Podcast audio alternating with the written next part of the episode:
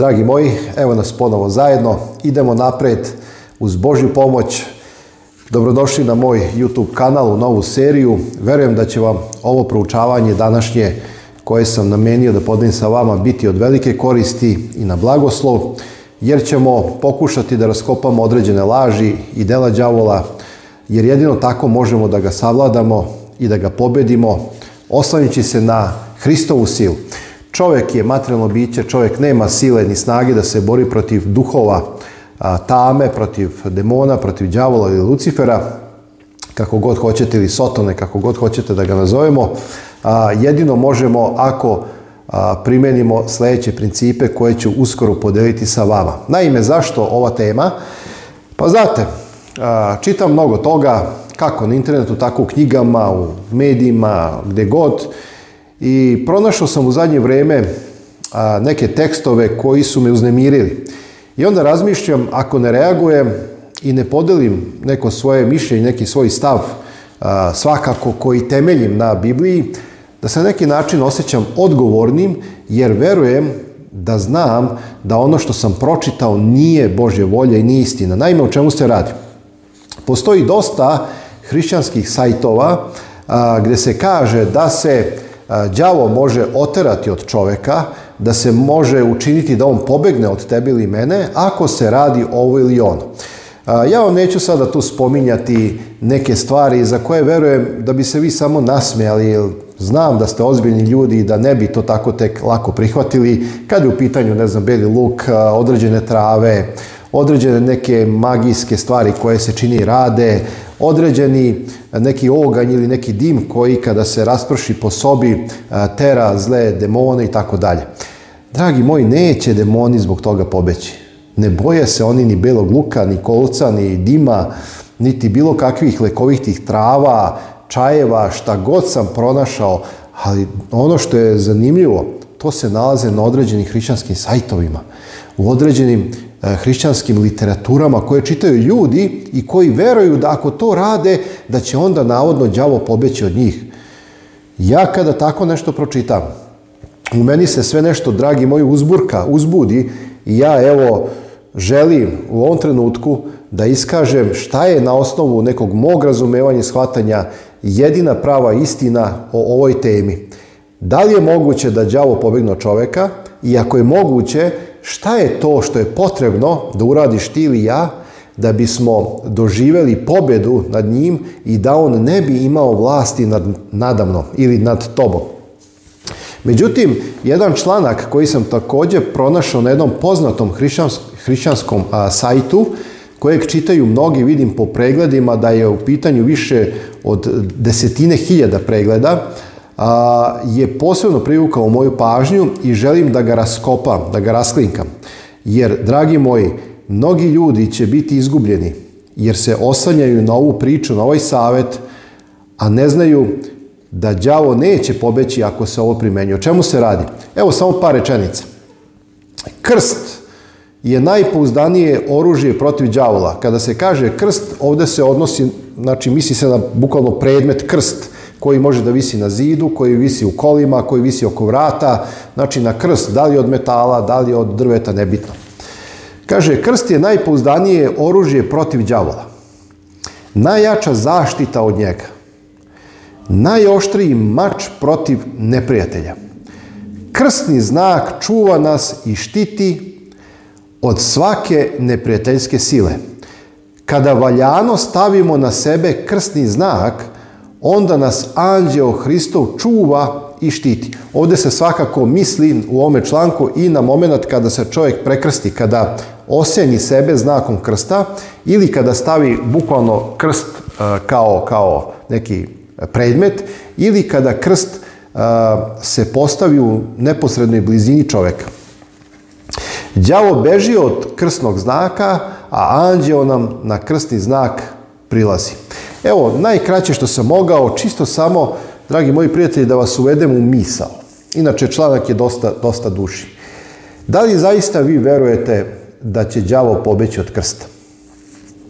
Evo malo da, da razmišljam. Da li zaista vi verujete da se đavo kao biće koje pali moćni anđeo, Lucifer, Sotona i njegovi demoni, da se oni boje krsta? Na osnovu a, kog izvora mi možemo vidjeti da li je ovo istina ili nije. Pazite, kada čovjek koji ne poznaje Bibliju ili sveto pismo, kada ne poznaje e, duh evanđelja i biblijski tekst, on će poverovati u ovo. I mislit će, ako to čini, da ima zaštitu i da mu đavo ne može ništa. Dok u isto vrijeme đavo ga muči i čini da bude njegov pokorni sluga. Dragi moji, Biblija je Svetlost koju nam je ostavio sam Bog i ona nas čuva od svakakvih zabluda, neistina i lažnih učenja određenih hrišćanskih učitelja koji ne govore, nažalost, onako kako bi trebalo. Hajde da dopustimo da nas Biblija a, e, pouči. Još jednom, poštujem e, svaki oblik izražavanja, ali ne moram da se složim s njim. Poštujem i one koji su ovo napisali Poštujem ljude koji veruju da je istina, nemam ništa protiv tih ljudi, ali jednostavno samo želim da kažem, ja lično ne mogu da se složim, jer Biblija totalno drugačije govori na koji način ti i ja možemo pobediti đavola. Hajde da krenemo redom. Evanđelje po Jovanu 13. poglavlje.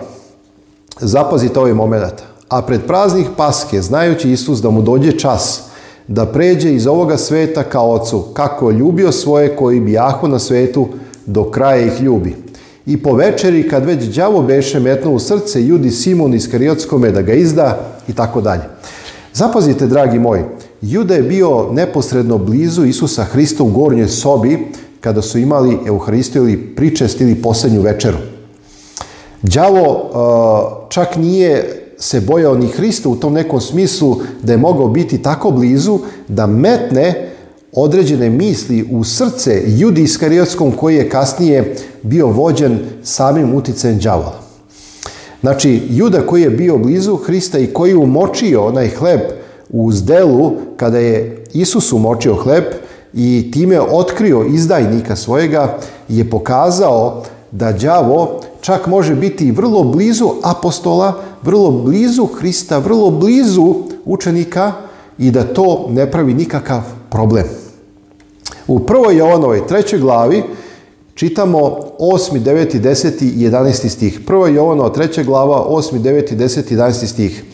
Koji tvori greh od đavola je, jer đavo greši od početka.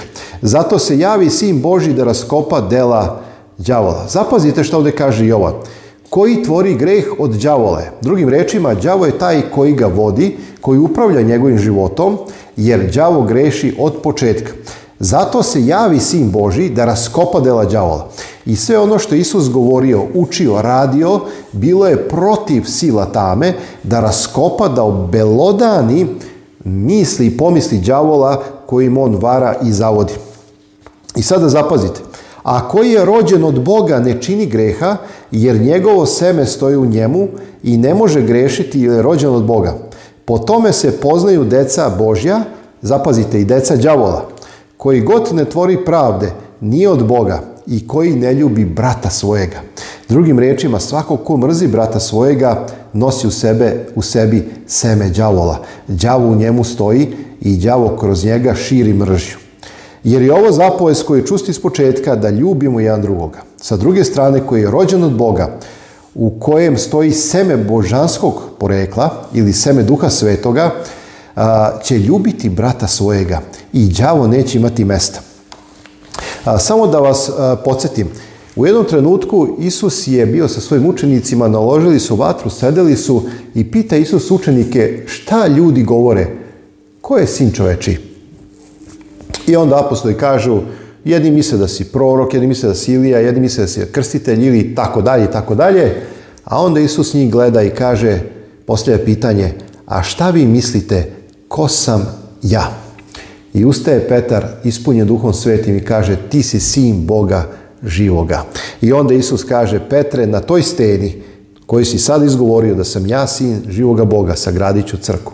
Nekoliko časova kasnije, kada je Petar razumeo da Isus kaže da treba da ide u Jerusalim, da će ga tamo svezati, da će ga ubiti i tako dalje, Petar je počeo da se brine. I prišao Isusu i rekao je učitelju, pa nemoj da ideš, pa je počeo da ga odvraća. A Isus ga pogleda i kaže, Sotono, idi od mene. on se obraća Petru a u stvari se obraća Sotoni koji govori kroz Petra jer kaže ne misliš ono što je Božje nego ono što je ljudsko. Vidite, Petar je blizu Hrista, ali Sotona progovara kroz Petra. Isus se obraća i kaže Sotona idi od mene. Znači neće Sotona tek tako pobeći u svakoj prilici, nego kada se pozivamo na reč Božju, kada se pozivamo na autoritet, autoritet Hristov, kada se u ime Isusovo pomolimo i zatražimo da on otere đavola, tada će đavo dode. I ne samo to, evo postoje još neke stvari koje su potrebne. Dragi moji, samo vam iznosim jednu realnost biblijsku kako treba da shvatimo, razumemo tu veliku borbu koja se dešava.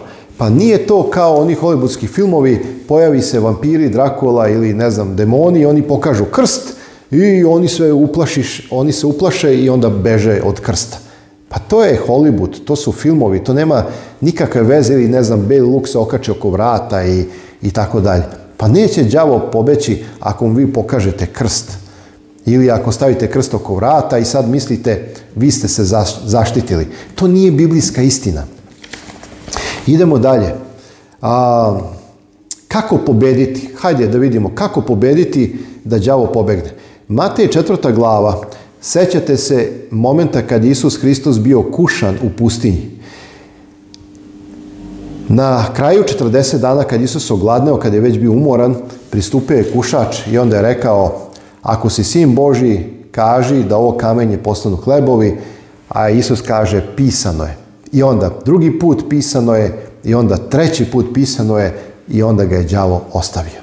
Kako je Isus pobedio Sotonu u pustinji kušanja, Pobedio ga je tako što je citirao biblijski tekst. Dragi moji, kako ćemo mi u našoj današnjoj borbi pobediti đavola citirajući biblijski tekst ako ne znamo šta piše u Bibliji, ako ne poznajemo biblijski e, kontekst, e, ako ne poznajemo tekstove koji su zapisani u Bibliji, kako ćemo ih citirati, kako ćemo se pozivati na njih kad ne znamo ni šta piše. Zato, dragi moji prijatelji, čitajte Bibliju. Odvojite svaki dan vremena, bez obzira šta razumete, šta ne razumete. Čitajte i Duh Sveti će vam pomoći da ono što je bitno za vaše spasenje, za istinu koja je bitna za vas, vi ćete je razumeti. Ne možete razumeti sve kao učeni bogoslovi, teolozi i oni koji su se školovali, ali možete razumeti ono što je osnovno za vaše spasenje. I uvijek se možete pozvati na reč Božju. Prvo Petrova peta glava kaže budite trezni i pazite jer suparnik vaš đavo kao lav ričući hodi i traži koga da proždere. Zašto je bitno da budemo trezni, da budemo oni koji paze, da budemo budni. Šta to znači budni, trezni?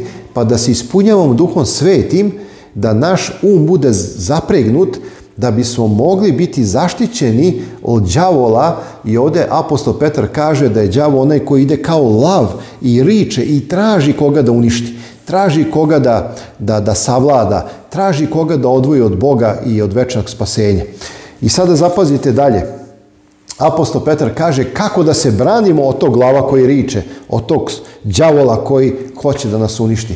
Kaže, branite se od njega tvrđom u veri. Ne kaže Pavle uzmite neki krst i mlatite s njim, nego kaže branite se od njega tvrđom u veri. A naša vera se temelji na reči Božjoj. Tako kaže Bog, tako kaže Gospod i nikako drugačije. Naša vera i tvrđa naše vere ne može da se temelji na ljudskim tradicijama, na ljudskoj reči, na ljudskim zapovestima, zato što je svaki čovjek laža, a Bog istinit. I jedino Bog i njegova reč ima snagu da otera I kaže, znajući da se takva stradanja događaju vašoj braći po svetu. Znači, bit će nevolje, bit će stradanja, bit će iskušavanja, ali se branite od đavola tvrđem u veri. Nemojte se e, stalno kolebati, nemojte stalno verujem, ne verujem, eto sad ću malo da čitam, pa da čitam pet dana, eto sad ću da se pomolim, onda se ne molim sedam dana i tako dalje. Znači, ne možemo tako opstati. Hrišćanstvo je, dragi moji, načelo, to je put, to je stav u kome se očekuje jedna ozbiljnost i jedna stabilnost u veri.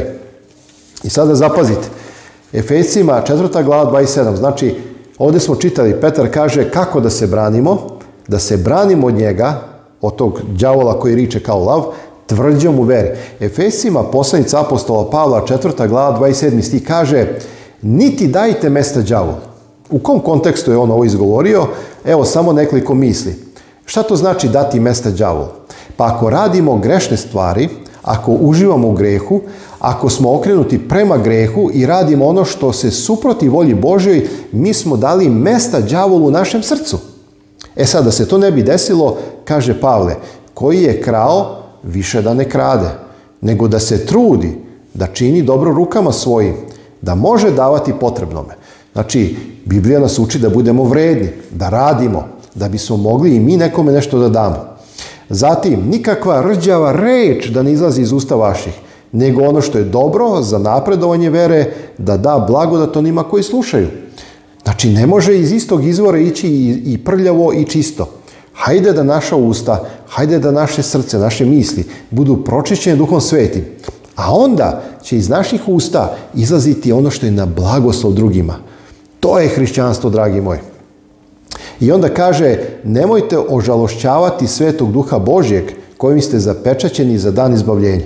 Jer ako želimo da duh sveti radi u nama, on će proizvoditi dobre reči, dobra dela, plemenita dela i tako dalje. A ako želimo da činimo greh, neminovno ulaskom đavola u naše srce, duh sveti će se ožalostiti mi ćemo ga povrediti. Duh Sveti će morati napustiti naše telo i to će ožalostiti Duha Svetoga. Onda svaka gorčina i gnev i ljutnja i vika, 31. stih, znači Efesima, četvrta glava, 31. stih, svaka gorčina i gnev i ljutina i vika i hula da se uzme od vas sa svakom pakošću. I onda 32. stih kaže, budite jedan drugome blagi, milostivi, praštajući jedan drugome kao što je Bog u Hristu oprostio vama. Kako je to Bog u Hristu oprostio vama? Biblija kaže, Bog beše u Hristu i svet pomiri sa sobom. Bog nam je bezuslovno oprostio. Da bismo se oslobodili utjecaj đavola, mi se pozivamo na utjecaj Duha Svetoga i tada možemo bezuslovno praštati. Naš ego je bačen u prašinu, a na predstavu našeg srca sada sedi Hristos, to je Duh Sveti koji nas menja i čini da budemo blagodatni ljudi. I evo, dragi moji, posljednji stih za, za danas. Jakovljeva poslanica, četvrta glava, sedmi i osmi stih kaže. Ovdje je jedan snažan tekst.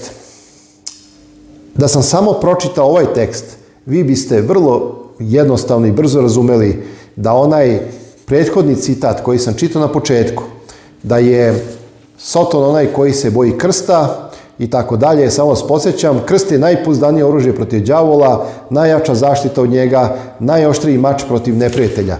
Krst čuva nas i štiti od svake neprijateljske sile. Dragi moji, nigdje u Bibliji ja nisam pročitao da krst kao predmet može da nas štiti od đavola, niti sam pročitao da se đavo boji krsta. Ono čega se đavo boji jeste kada poniznog duha kleknemo na molitvu i kada se molimo. To je bič za đavola. Đavo ne može da bude u prisutnosti osobe koja se ponizila pred Bogom nebeskim i koja se Ocu nebeskove moli u ime Hristovo, osanjući se na zla, zasluge Hristove, gdje se ispoljava duh sveti i gdje duh sveti obuzima čoveka, đavo tada beži. Molitva pravednika je bič za đavola. On to ne može podnijeti tada se dešava da zaista nas đavo mora napustiti jer smo odlučili da prizovemo Boga nebeskog u naš život, a gdje je Bog i svetlost i sila duha svetoga, đavo nema mesta. Evo taj tekst i tu završavam. Jakov 4 kaže pokorite se dakle Bogu, a protivite se đavolu i pobeći će od vas. Kad će đavo pobeći od nas? Ako se pokorimo Bogu, a protivimo đavolu. Približite se Bogu, on će se približiti vama, očistite ruke grešnici, popravite srca svoja nepostojani. Drugim rečima, dragi moji, kada se pokorimo Bogu i kada želimo da se njegova volja ispunjava u našem životu, tada će đavo pobeći od nas, jer će shvatiti da mi ne želimo s njim da šurujemo. Mi ne želimo da budemo njegovo oruđe. Mi želimo da budemo Božje oruđe. I to je istina koju želim da podelim sa vama. Dragi moji, Krst je najpouzdanije oružje protiv đavola. Nije tačno. Reč Božja je najpouzdanija. I reč Božja koja se primenjuje, kaže psalmista, zatvorio sam reč tvoju srce svoje da ti ne greši. Kada se priziva Bog i kada se želi živjeti po Božoj volji, tada će đavo pobeći jer se pokorovamo Bogu, a ne njemu. Ne đavolu. Dragi moji, evo, to je ono što sam želio da podelim sa vama. Ako smatrate da je ovo istina, čiste izvorne istine iz Biblije, delite ove emisije, neka što više ljudi sazna da ne može jedan običan krskao kao predmet da otera đavola. Đavo se ne boji toga. On to kada vidi, on se samo sme i kaže vidi kako sam ih zaveo, da oni misle da se ja toga bojim. Ne, nego se đavo boji kada vidi da si veran, da si ponizan pred Bogom, kada prizivaš Boga i Duha Svetog u tvoj život, e to onda tera đavola i đavo više nema vlasti nad tobom. Ostanite zdravi, ostanite jaki u Kristu, ulažite u svoje zdravlje, jačajte imunitet u ovim danima, da budete zdravi, da možete propovedati, da možete služiti Bogu, a ne da ležite u posteljama i da se da vas bolesti muče. Idemo napred zajedno sa gospodom, a uskoro se vidimo u novoj emisiji. Svako vam dobro želim.